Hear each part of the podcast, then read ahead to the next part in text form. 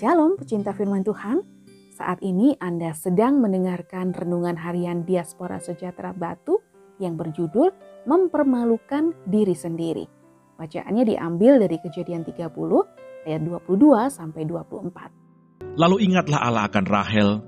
Allah mendengarkan permohonannya serta membuka kandungannya. Maka mengandunglah Rahel dan melahirkan seorang anak laki-laki. Berkatalah ia, Allah telah menghapuskan aibku. Maka ia menamai anak itu Yusuf sambil berkata, Mudah-mudahan Tuhan menambah seorang anak laki-laki lagi bagiku.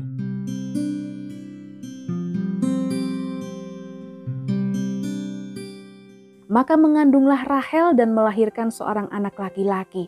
Berkatalah ia, Allah telah menghapuskan aibku. Kejadian 30 ayat 23. Poligami yang terjadi dalam keluarga Yakub akhirnya memunculkan persaingan antara Lea dan Rahel, istri-istri Yakub, sehingga hubungan adik dan kakak tersebut menjadi tidak harmonis. Kecemburuan Rahel kepada Lea karena tidak memiliki keturunan sering kali membuat Rahel bertindak dengan pikirannya sendiri yang tidak sesuai dengan standar Allah. Rahel telah mempermalukan dirinya sendiri di hadapan Lea dengan memberikan Bilha kepada Yakub.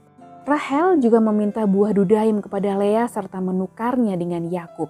Kita lihat di ayat yang ke-16.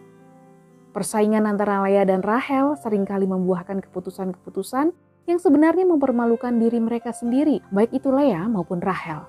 Namun atas kemurahan Tuhan, Rahel yang tidak memiliki anak pada akhirnya diizinkan Tuhan memiliki keturunan. Tentunya bukan karena Rahel memakan buah dudaim itu yang dipercaya bisa menyuburkan kandungan.